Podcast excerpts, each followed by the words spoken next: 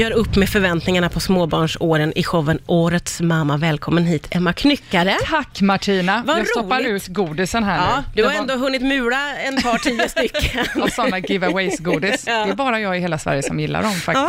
Ja, ja, du tyckte om dem nästan obehagligt mycket, Ja, jag säga. Det var läskigt för dig. Hur är det med dig? Du är ute med show. Jag är ute med show. Jag spelade i Stockholm, eh, eh, Fräckhetsdagen, i lördags. Ja, är, det, är det skillnad att spela i Stockholm mot alla andra ställen? Eh, Egentligen är det ju inte det, för det är ju bara att eh, folk är så himla gulliga överallt. Eh, Men eh, det är ju lite skillnad i eh, ens egna nervositet på något sätt. Att jag var så här, oh, det kommer komma massa fräcka och de är morsor på ett helt annat sätt, men det är de ju inte. Nej, det var samma ändå. Det var samma ändå. Ja. Samma goa, goa, goa, glada eh, människor som kommer titta. Ja, men du, det här med att du vill göra upp med förväntningarna på småbarnsåren. Mm. Vad, vad handlar det om? Ja, men det handlar väl egentligen om att jag, eh, eh, alltså jag skrev en bok förra året eh, som heter Hit med flaskan, eh, som handlar eh, om att bli förälder. Och då ville jag skriva någonting som var utan pekpinnar och inte så jävla rosaskimrande och framförallt som var så här roligt och inte gav ångest. För jag tyckte Ja. att allting som jag läste när jag var gravid gav mig mer ångest istället för tvärtom. Eh, så då skrev jag den och sen så satte jag med liksom massa slaskmaterial efter, för att när man skriver bok kan man inte sluta varje kapitel med en punchline. Så jag sa, vad fan ska jag göra med detta? Eh, och då bestämde jag mig för, men då får det vara en show också, Ja. utan pekpinnar och utan rosa skimmer. Ja. Eh, så det är väl det, liksom, att jag vill göra någonting. Alltså det är så gött att vara ute och möta publik eh, också och se folk i ögonen och nästan som skapa en riot tillsammans varje kväll och få uppleva den där grejen tillsammans. Att det behöver inte vara så himla fluffigt och gulligt alltihopa, utan man kan också så här bara skratta jävligt gött Men vad, kom, vad, något jag sätt. känner ju igen mig något alldeles oerhört. Vad kommer det ifrån det här eh, rosa skimret och passa på njut nu? Ja. Att, att man bara är i det, för det där är ju skitsnack i, i mångt och mycket. Passa på att njuta, den är bra också. Ja, den är ju vansinnig. Jag kommer ju Njut, inte ens njut, ihåg de njut. tre första månaderna av, alltså, när jag hade fått min bebis. Nej. Det är som bortraderat för mig, Helt för jag borta. tror att jag var i chock. Ja. Helt ärligt, jag minns det inte ens. Ta tillvara på den här tiden, sa Ja. alla också. Ja. Samtidigt som man bara gick ru- runt och räknade ner sekunderna till ens partner skulle komma hem. Ja. Liksom.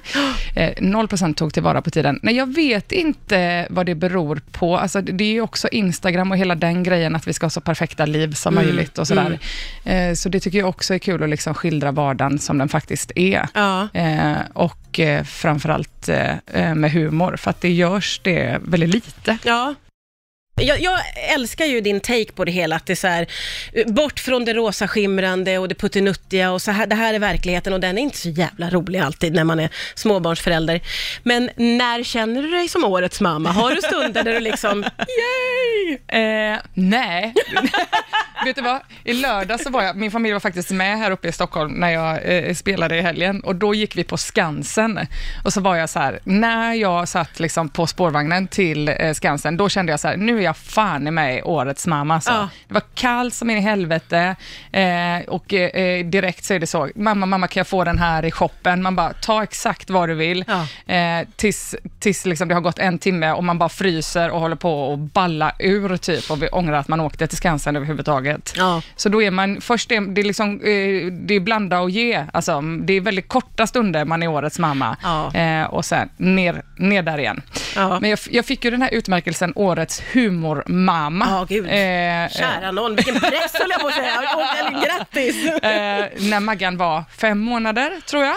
Och det var ju så sjukt liksom, att vara på den galan, för jag bor i Göteborg och liksom deltar inte i nöjeslivet eh, någonting egentligen.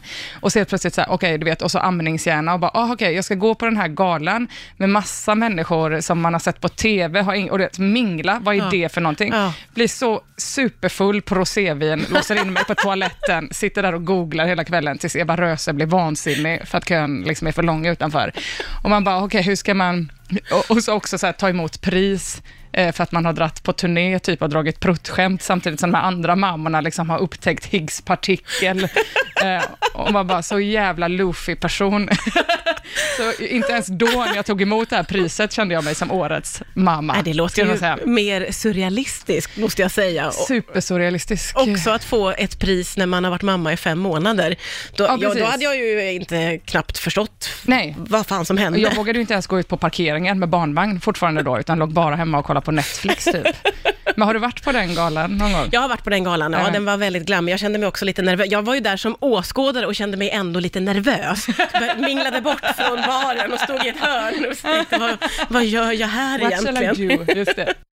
Din eh, dotter, som ju var ju pyttepytte när du skrev boken, gissar jag, Ja, eh, är ju nu tre och ett halvt. jajamän. Och hur har det förändrats, tycker du, mammaskapet? Tycker att livet börjar rinna tillbaks till mig. Åh, vad skönt att höra, Emma! Nu, Jag börjar känna mig som en egen person kanske framför allt. Eh, jättemycket så här, aha, eh, alltså ljuset i, tunn, i tunneln på andra sidan, komma Ja. ut eh, där. Det tycker jag nog är den största förändringen. Och sen så framför allt är hon ju så jävla rolig. Alltså Ja. hon har börjat fatta skämt och liksom eh, skojar och upprepar grejer och sådär. Så att det är ju mer det. Eh, jag tycker att det är kul med människor och, eh, och skoja med varandra. Så det är väl den största skillnaden. Jag var inte jättefan av att ha en bebis. Nu är jag ju såklart att jag ligger och lipar när jag tittar på bebisbilder och så. Ja, ja. Bara, Åh, vad gullig jag var. Då bara röcker äggstockarna. Men, eh, men eh, det, det här tycker jag är en ganska härlig period faktiskt. Ja, ja men jag håller med dig. Det, jag tycker det känns som att det blir roligare och roligare. Det är ju någonting med när ens barn börjar liksom skämta och man kan hänga. Det är Ja. väldigt, väldigt härligt. Hänga, ja. Man kan gå på bio. Man får se ju helt loofiga filmer i och för sig. Men, Ja, i eh, början är det ju mycket Alfons Åberg och sånt där skit. Ja, just det är det. lite tråkigt, men, sen blir det bättre. Man kan äta godis i alla fall. Ja, ja, det, ja, ja, ja, absolut. Du vänder ju och vrider på många saker i din show, eh, men bland annat eh, relationer och relation, vuxenrelationer som det. Mm. för, förändras också. Hur, hur har du liksom känt kring det? Jo, men det var nog faktiskt det som förvånade mig mest eh, med att få barn, för det hade ingen pratat om innan. Det var jättemycket grejer som ingen hade pratat om. Ja, Alltså, typ det är ju så, mycket eh, hemlisar. Eh, konstiga grejer som hände med kroppen. Men, men det med relationen var en chock för mig. Alltså dels, jag hade också rätt knasig situation, för jag flyttade liksom från Malmö och har bott ensam i en etta i Malmö till att få en familj på fem pers. Ja, du fick ju Eh, bonus. Jag fick bonusbarn också, som är tonåringar. Och så här, så liksom, från den stora tvätthögen i Malmö till en världsstor tvätthög i Göteborg, du vet, byta stad. Och jag flyttade också när jag var höggravid. Oj, Eh, så jag skulle liksom, hade två veckor kvar till beräknad förlossning och bara ja, ja, mjau, mjau, mjau, liksom hela den eh, grejen. Och det var också konstigt för mig tycker jag, för att jag och Petter var så himla, himla kära i varandra och det, man tror att man är unik då Mm, ju, i, när man är förälskad i någon och den kärleken är besvarad. Det